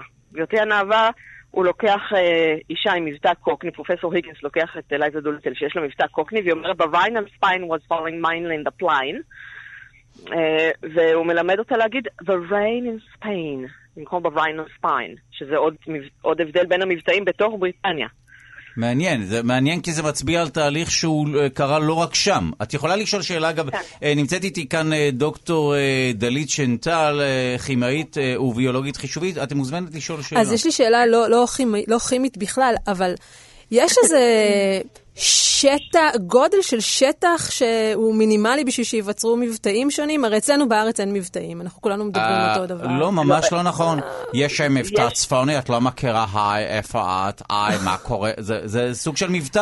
אה, אה, כן. צפוני, שינקינאי. אבל הוא לא מובחן גיאוגרפית, הוא מובחן אולי... הוא לא מובחן גיאוגרפית, אבל גם... זה לא דיאלקט, זה סוציולקט. אוקיי, אבל, אבל אוקיי. עדיין אה, היה תהליך מעניין, שוב, אני לא אה, סוציולוג וכולי, אבל עדיין הוא בעבר שוייך לצפוניות, נכון. או האנשים שמשתייכים לאיזשהו מעמד סוציו-אקונומי גבוה, ואז אומץ על ידי רוב העם כדי כביכול להשתייך לזה, כי כולנו לא, חושבים שאם נדבר ככה נהיה עשירים. Okay. אוקיי. אבל אני, אני יותר שואלת על, אה, יש מדינות שמסתובבים בהן וממש שומעים מבטאים שונים בכל חבל ארץ.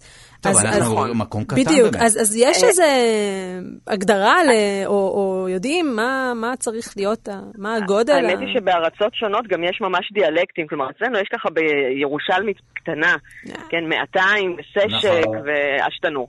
אבל אה, המורה שלי לערבית מהצבא נהג לומר שזה בגלל שבירושלים, שירושלים הייתה במצור במלחמת השחרור, זה כמובן לא הסיבה. אה, ואז התפתח שם מבצע מעניין, כי באמת כדי כן. שיתפתח מבצע כן צריך ניתוק אבל. כן. אה, צריך ניתוק, ועד לפני לא הרבה זמן היה באמת ניתוק. אה, כמו ברוב המקומות באירופה, בכל העולם, בעצם חוץ מישראל, בגלל שההיסטוריה של השפה העברית כל כך שונה, בכל מקום דיברו קצת שונה, ודווקא ככל שהקהילה יותר קטנה, יותר שמרה על השפה. וזה לא רק, לא רק עניין של מבטא. האמריקאית לעומת הבריטית זה לא רק מבטא, זה גם אוצר מילים. שתי הדוגמאות הכי מביכות אה, זה פאנס, שבאמריקאית זה מכנסיים ובבריטית זה תחתונים, אה, ורבה, שזה בבריטית אה, מחט ובאמריקאית אני לא אגיד בשידור. לא, מעניין. ויש גם זאת אומרת שלא רק המבטא משתנה, גם משמעות של מילים או ייחוד של מילים לעניין מסוים. כן, ואפילו תחביר. כלומר, באמריקאית אתה תגיד the government is, ובבריטית אתה תגיד the government are. כלומר, יש ממש uh, הבדלים תחביריים, גם הבדלים באיות. כן, שבאנגלית אתה תכתוב neighbor עם OU ובאמריקאית עם O. וכשאני למדתי בתיכון בארצות הברית, אז המורה לאנגלית הייתה מתקנת, מי שהיה כותב עם OU בסוף, הייתה מתקנת לו ל-O. חוץ ממני, כי אני לא דוברת ילידית. וואו, אז... אז okay, זה אוקיי, ממש הבדלים גדולים, אבל אה, לשאלתך, בלי, אה, ככל שהקהילה יותר קטנה ויותר מבודדת, ככה יותר תשמור על מאפיינים ארכאיים, בזמן שכח... שהקהילות הגדולות יותר, השפה שלהם תשתנה ותתקדם. זאת אומרת שזה לא שדיאלקטים אה, יותר נשארים והשפה שמבחוץ מתקדמת. מעניין מאוד. אגב, זה נשמע תהליך מרתק, איטי, ושקשה לשים עליו את האצבע. התפתחות של אה, צורת דיבור במקום מסוים, נכון? זה כאילו זה משהו שקורה לאט-לאט, לאט מתפשט, ממש אבולוציה. נכון, אבל יש למשל, אה, אני לא אימטתי את זה, אבל היו לי תלמידות אה, ספרדיות. בספרד מבטאים ס במקום ס. ויש סברה שאומרת שזה בגלל שהיה מלך שדיבר ככה, אז כדי שלא יצחקו עליו, זאת נהייתה. ההגייה הסטנדרטית. אבל בדרום אמריקה הם עדיין, הם, הם מבטאים עדיין כמו שביטאו במקור. מעניין. ואותי מעניין גם, האם מערכת החינוך מלמדת אמריקאית או מלמדת אה, אנגלית אה, בריטית? כן, איך, איך כאן נכון אה, לכתוב neighbor? אה, אוקיי. זאת שאלה, מאוד, כן. זאת שאלה מאוד טובה. זאת שאלה מאוד טובה. אני זוכרת שאותי לימדו אה, בצורה מסוימת, אני חושבת שמלמדים את, אה, לא מלמדים את כל הווריאנטים, אבל מקבלים את כל הווריאנטים. אם אני זוכרת נכון, הילדים שלי כבר למדו אה, אמריקאית. אוקיי. אה, אבל זאת שאלה מאוד טובה, אני, אני אחקור את זה לפעם הבאה. אנחנו רוצים להודות מעומק הלב לדוקטור תמר אילם אה, גינדין, בלשנית וחוקרת מהמרכז האקדמי שלם וממרכז עזרי, תודה רבה. תודה רבה, יום עצמאות שמח של אמריקה. אה, נמסור להם כמובן, אה, תודה רבה. ואנחנו עדיין בספיישל אה, אמריקה שלנו, ארצות הברית, אם נדייק. ואנחנו שוב אה, חוזרים לעניין שקצת אה, דיברתי עליו. אה, אנחנו אה, מדברים על זה שמוצא האדם, הרי ידוע שמוצא האדם הוא מאפריקה, ואנחנו רוצים אה, לבדוק איך בכלל הגיעו בני אדם ליבשת אמריקה. האם באמצעות אה, רכבל? האם באמצעות אה, אוניות? האם טלפורטציה? איך, איך הגיעו בני אדם לשם? אנחנו רוצים לומר שלום לפרופסור יוסי מארט מאוניברסיטת חיפה, בוקר טוב. בוקר אור דודו. אז אנחנו נמצאים כאן, אני ודוקטור דלית אה, שנטל, שהיא ביולוגית חישובית, שמסוקרנים לגלות איך בני אדם הגיעו מאפריקה לאמריקה. טוב, זה סודי, אבל אני אגיד לך. אז קדימה לחשוף את הסודות כאן. אה, לפני 20 אלף שנה, האקלים בכדור הארץ היה מאוד שונה מהאקלים הנוכחי. אנחנו אומרים שבממוצע הטמפרטורה בכדור הארץ ירדה בארבע מעלות, אבל הממוצע הזה לא מתחלק שווה, כי האזור המשוני נשאר חם, כך שהאזורים הקוטביים, ובעיקר הקוטב הצפוני, אה, האקלים הקוטבי שלו התרחב בצורה מאוד משמעותית. זאת אומרת, לפני 20-25 אלף שנה, אה, ניו יורק הייתה מכוסה בקרח, ושיקגו הייתה מכוסה בקרח, וורשה הייתה מכוסה בקרח. כמות הקרח הייתה עצומה. ולכן, מאחר ואנשים ידעו ללכת על הקרח, ועובדה שהם הצליחו לצוד את הממוטות ביעילות כזאת עד שכל הממוטות נכחדו. Mm, אה, ואז אנשים הלכו על הקרח, והלכו והלכו והגיעו לאמריקה. זאת אומרת, פשוט הלכו על הקרח. כל אזור ים ברינג וואו. היה קפוא. מטורף לגמרי. אז זה מסביר נכון. איך חצינו את, את האזורים שאנחנו לא היינו אמורים לחצות אותם. או לא היינו אה, מסוגלים, אתה כביכול. יודע מה, אתה יודע מה, זה לא מדויק. כי האדם הגיע בסירות נכון. ל- ל- לאוסטרליה Mm. לפני 50 אלף שנה. וואו. אתה יודע, אתה חושב על זה, על אומץ הלב, להיכנס בסירה, שכל הזמן מתנדדת על המים, אתה לא יודע לאן אתה מפליג, אתה הולך אחרי הציפורים, זה זה הרפתקה לא נורמלית. הרפתקה איזה מזל, 50 אלף שנה. מזל שאנחנו שילוב בין סקרנים למין מתאבדים כאלו, משוגעים, כן, טיפשים. כן, כן, זה די כן, מדהים. כן, זה מדהים, מדהים. איזה אומץ לב. לגמרי. אז זה בעצם מסביר את אה, הגעת האדם מאפריקה לאמריקה. כן, וכאשר הקרח נמס, אנשים כבר, היה ידע, ואנשים עברו עם סירות. כי הידע להפליג היה. אנשים ידעו להפליג. אז הנה חשפנו כאן את הסוד. כן. מבחינתי, אני קיבלתי תשובה, אומנם השיחה קצרה וחבל לי לוותר על... אה, זאת אומרת שגם האינדי... האינדיאנים הלכו בעצם, האינדיאנים הילידים של אמריקה הלכו הילידים הם באו דרך... מאסיה, הם באו מאסיה. והם הלכו גם את שם- מסתכלת וקווי הפנים דומים. נכון, Mm. נכון, קווי הפנים דומים. נכון. הלכו על הקרח הנוכלים האלה. כן, כן, כן. טוב, אני... בינתיים צדו ממוטות וכל זה, מה? אני מבטיח למצוא שאלות יותר מורכבות בפעם הבאה. אני מודה מעומק הלב לפרופסור יוסי מארט אה, מאוניברסיטת חיפה, שהסביר לנו איך הגענו. תודה רבה. אנחנו אה, נלווה אתכם, המאזינים שלנו, אה, בשלל ענייני ידע ומדע שקשורים לארצות הברית, כי היום 4 ביולי, עד השעה 9 נהיה איתכם כאן. היום יום העצמאות האמריקאי, שנחגג כאמור בפיקניקים, זיקוקים, דיברנו על ה... המבנה הכימי והסיבה לכך שהזיקוקין דינור הם בעצם בצבעים שונים, דיברנו גם על פסל החירות. אה, עכשיו נדבר על, אה, לא נדבר על הבהלה לזהב, אבל אחת התקופות הידועות בהיסטוריה, בעיקר אמריקאית, היא הבהלה לזהב באזור קליפורניה, באזור 1840. כאשר אה, החלו למצוא שם זהב, ואנשים נהרו לשם, כ-300 אלף איש נהרו לקליפורניה, מרחבי ארצות הברית ומחוץ לארצות הברית, כדי למצוא שם אה, את אותה מתכת אה, יקרה. והשאר היסטוריה. למעשה עד היום אנחנו רואים בזהב כמשהו מאוד משמעותי בכלכלה. בואי נתהה ברשותך ככימאית על קנקנה של המתכת הזו. מדוע זהב? מה רע במתכות אחרות? אז קודם כל היא יפה. אוקיי, ומעבר לזה, אתה זוכר שדיברנו על הנחושת לעומת הברזל? אז ברזל זו המתכת הכי נפוצה שיש לנו כאן אה, על פני כדור הארץ. היא פשוט נפוצה, יש הרבה ברזל. היא מאוד נפוצה, יש הרבה ברזל, ולכן היא פחות יקרה, אבל דיברנו גם על החולשה שלה, שזו החלודה. לעומתה... זאת אומרת שכשהיא מתחמצן, כשברזל מתחמצן, אה, מתרכב לו עם אור או עם חמצן, הוא הופך לחלודה. נכון. ואז מתפורר. הוא כבר, בדיוק, והוא מתפורר, והוא כבר הרבה, והוא לא מבריק, והוא לא חזק. הזהב זו מתכת אצילה יחסית. שמה זה אומר? אה, שהיא כמעט ולא מתחמצנת. זאת אומרת, גם במגע עם חמצן נכון, היא לא נכון, משתנה. נכון, התכשיטים שלנו, אמנם הם לא זהב טהור, גם הם, הם איזושהי סגסוגת תערובת של, של כמה מתכות שיש בהם גם זהב, אבל הם לא מתחמצנים. אה, ו- וזה מה שמייחד את הזהב והפך אותו... אז זה לא סתם משהו יקר כי הוא נדיר, אלא באמת יש לו ערכים כימיים. אה, הוא פחות נכון. מגיב לחמצן, נכון. פחות מושפע מחמצן. נכון. ותכשיט נכון. שהוא עשוי מזהב טהור, פשוט לא ייפגע במהלך השנים? נכון. אוקיי, הוא לא יתחמצן, הוא לא יתחמצן. הוא גם לא יהפוך לירוק כמו הנחושת, שגם בצ... הנחושת היא באופן יחסי עמידה, והתהליך של ההתחמצנות שלה הוא ארוך. אבל בזהב זה, זה, זה לא יקרה. זהב, מה עוד מאפיין את המתכת הזו? יש לה עוד מאפיינים? מבחינת מוליכות חשמלית אולי? אני מבין שיש הרבה מיקרופונים שבהם יש רכיבים אה, אה מזהב. כנראה נכון, שהיא גם מוליכה מצוין. נכון, אה, משתמשים בה גם להולכה. מה שעוד אה, טוב לנו בזהב זה שהזהב הוא לא, הוא לא רעיל לנו. הוא לא רעיל? זאת אומרת, זו מתכת שאפשר לאכול? אה, אני לא יודעת אם אפשר לאכול, אבל כן, יש, אבל יש מנות.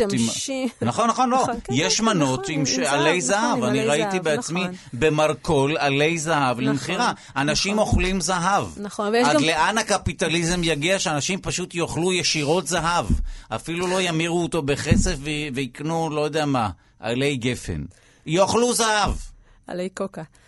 זה, זה מהקולה. אה, אוקיי, על זה לא דיברנו, אבל נכון. אוקיי, נכון. אבל, אה, אבל יש גם תרופות שיש בהן זהב. אה, והחלקיקים שאנחנו משתמשים בהם, שמשתמשים בהם בתרופות, אה, חלקיקי הזהב... יש תרופות עם, עם חלקיקי זהב. כן, אז, אז זה זהב שהוא בא בחלקיקים שהם מאוד מאוד קטנים. ננו, מילה שאנחנו משתמשים בה הרבה, מתארת גודל בעצם, סדר גודל. חלקיקים מאוד מאוד קטנים. אה, של זהב. דרך אגב, הזהב הזה, כן. כשהוא, ב, כשהחל, כשהוא מורכב מחלקיקים כל כך כל כך קטנים, אז הוא כבר בכלל לא זהוב, והוא גם ממש לא מבריק, והוא יכול להיות בכלל בצבע אחר. אה, זאת אומרת, הזהב יכול להיות אה, אדום. יכול כן, להיות... איך הוא יכול להיות? זהב טהור יכול להיות בצבעים שונים? כן, כן. אז, אז אנחנו לא מדברים על, על הגוש של הזהב, אנחנו מדברים על חלקיקים מאוד מאוד קטנים של זהב שנמצאים בתוך תמיסה. ואז התמיסה היא בצבע, יש לה צבעים מאוד מאוד מגוונים, החל מאדום עד סגול, דרך אפור ודברים כאלה. אה, אבל באמת אנחנו מדברים על חלקיקים מאוד מאוד קטנים, חלקיקים ננומטרים. ננומטר זה... מיליונית לדעתי, לא? אלפית. לא, לא, אלפית המיליאר... אה, אה, זה מיליארדית. אה, כן, אוקיי. כן, מיליארדית. ננו, 10 בחזקת מינוס 9, מיליארדית. אה. אוקיי. ואנחנו, או אלפית המיליונית, אפשר גם ככה קטן, להגיד את זה. קטן. מאוד מאוד קטן, אז... אה, רגע, אז את אומרת שזהב, אה, אה, לא מדובר במתכת רעילה, אה, זהב עשוי להיות בכמה צבעים, הוא לא נכון. בהכרח בצבע זהוב. כשהחלקיקים הם קטנטנים כל כך. וזה שהוא לא ראה, הוא גם משולב בתרופות, יש לו ערך, אה, זה, זה עוזר לנו איכשהו? אה, זה עוזר להוביל את התרופה. אה, מעניין מאוד, וכנראה כי הוא לא מגיב הרבה לסביבה, לכן הוא לא רעיל, אני משער, שהוא לא נכון, פוגע בנו גם. נכון. נכון, לא וזו מתכת ששומרת על עצמה, אבל עד היום זו מתכת שהיא משמעותית בתחום הכלכלה. שומרת על ערכה, בהחלט. כן, לגמרי, ומשמשת לנקודת ייחוס כלכלית, נכון? של שעד היום אה, משתמשים בה. טוב, אנחנו רוצים uh, להמשיך את special uh, אמריקה שלנו, special ארה"ב, אבל הפעם נקרא לזה special אמריקה, כי אנחנו רוצים לדבר על אחד מגיבורי העל האהובים עלינו, לא סופרמן ולא וונדר וומן ולא ספיידרמן, כי אם קפטן אמריקה. גם גיבור על וגם בעל דרגה צבאית, קפטן זה סרן, מה הדרגה הצבאית שלך, דוקטור דלית? נראה לי שסגן. סגן, יפה, מ- מכובד, מכובד, יפה. אז, אה, אז את לא יכולה להיות קפטן אמריקה, אבל אה, קפטן אמריקה כן יכול. ואנחנו נשמע עליו מפי אה, מי שמכיר את עולם גיבורי העל מקרוב, אורי פינק, איש הקומיקס ויקיר המערכת. כן. בוקר טוב. בוקר טוב, נקרא לי סמל ראשון ישראל, זה אולי השם החדש שלי. זה דווקא- סמל כן, ראשון. ישראל, כן. אז באמת, מי נראה לי גיבור על, כן. קפטן אמריקה? מין מי גיבור לאומי? כזה? כן. כן, אוקיי, קפטן אמריקה, כן, זה באמת דמות, אה, הוא נראה יותר כמו כזה דגל מהלך כזה, כן, הוא מלא פסים וכוכבים. אה, עכשיו, קפטן אמריקה הוא בעצם סטיב רוג'רס, שזה בחור צנום וחלש שרצה להצטרף לצבא ארצות הברית במלחמת העולם השנייה. הוא היה יותר מדי צנום וחלש, ואז לקחו אותו לפרויקט מיוחד של ניסוי, שהפכו אותו, שם הוא שתה איזה שיקוי והפך לחייל על, מה שקוראים לזה.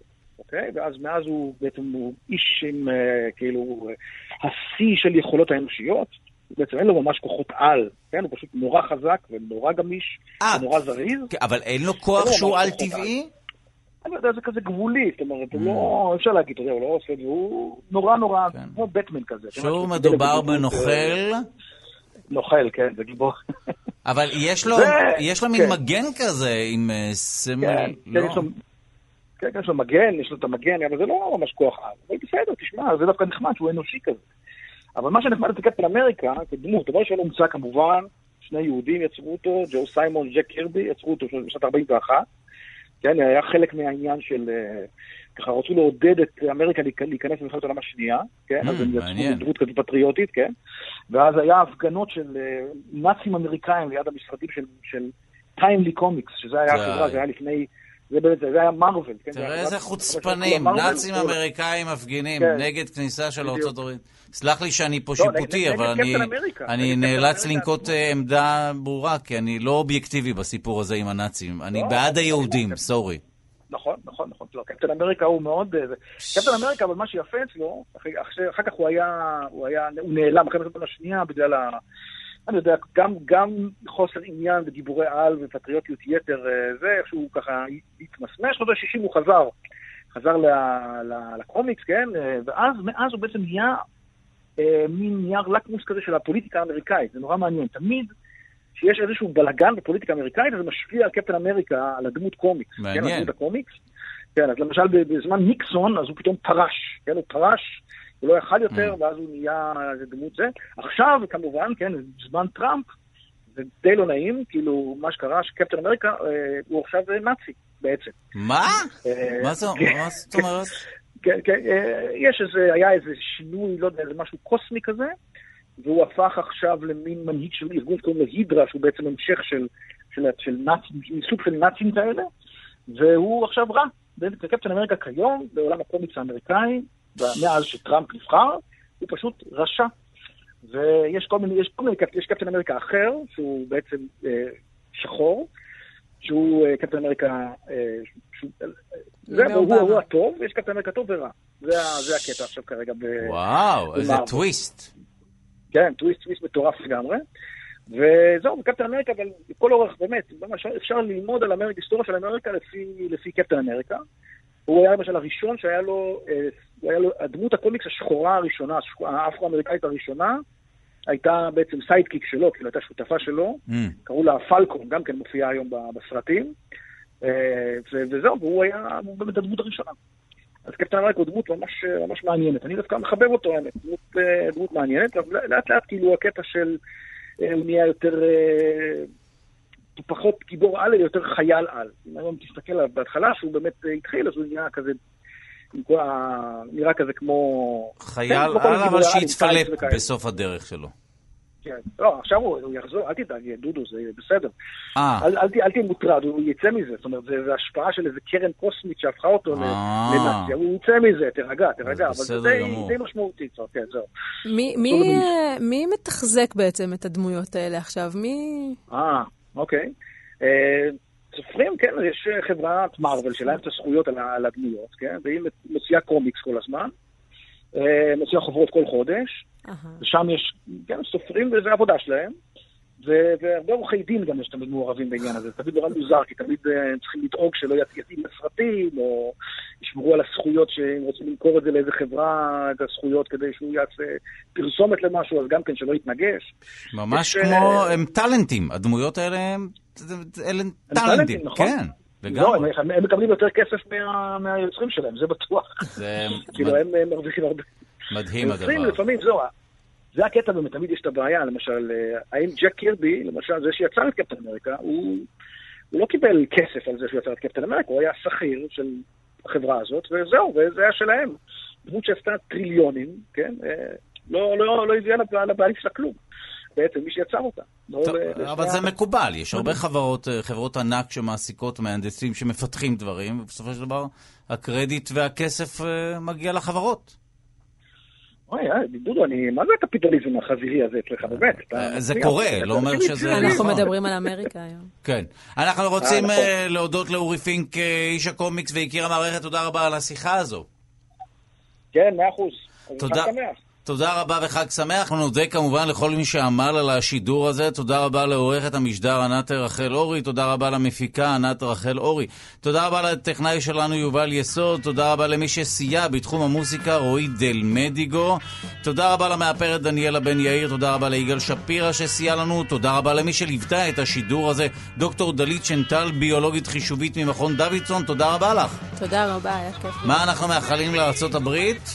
שימשיכו להיות... לגדול אה, ולפרוח ולשגשג. ולעמוד מאחורינו. ולשמור ולהיות, על אה, העולם עלינו, החופשי. כמובן, שזה אנחנו.